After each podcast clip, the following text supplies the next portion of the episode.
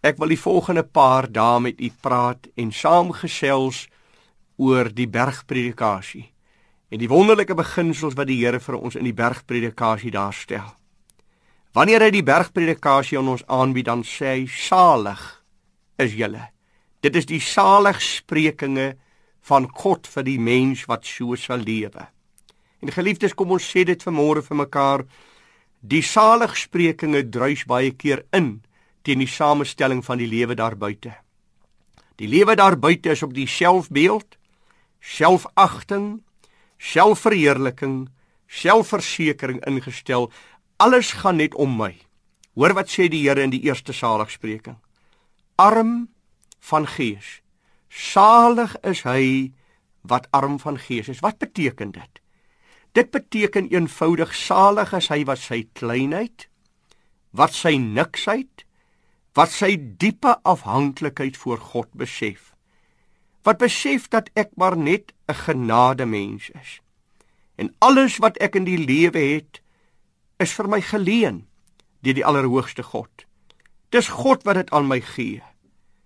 Weet u dis God wat dit weer net so vinnig kan wegneem?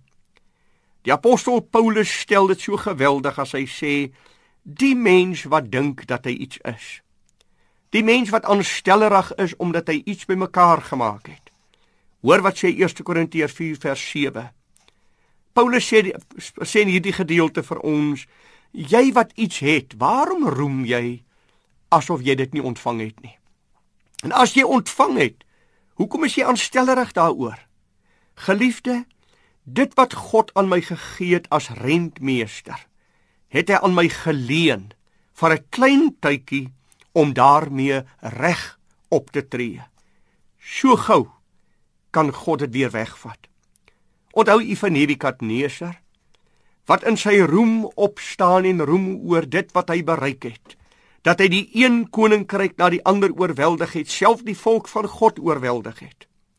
Dan staan hy met die beker van die Here in sy hand en hy spog oor wat hy bereik het. Daardie selfde oomblik kom daar 'n uitspraak van God. Nebukadneser, jy dink jy's so groot. Jy dink jy's so magtig. Ek gee vandag 'n bevel. Vandag sal jy jou van jou koningskap stroop en soos 'n dier in die veld word. En die dou van die hemel sal jou nat maak en jy sal daar bly en soos 'n dier gras eet totdat jy tot die inkeer kom en besef dat ek God is. Ag, kom ons vat 'n tydse voorbeeld. Onthou jy nog so 'n paar jaar terug? Mense het baie geld belê by Sambou. En ewe skielik maak Sambou se deure toe. En welgestelde mense kan nie 'n sent van hulle geld kry nie. Dit wat God jou geleen het, beskou dit altyd as 'n genade. Besef net vandag dat alles wat jy het is vir jou geleen. Dank God vir sy genade wat hy aan aan jou gegee het. En as jy dan moet roem, roem in die grootheid van God.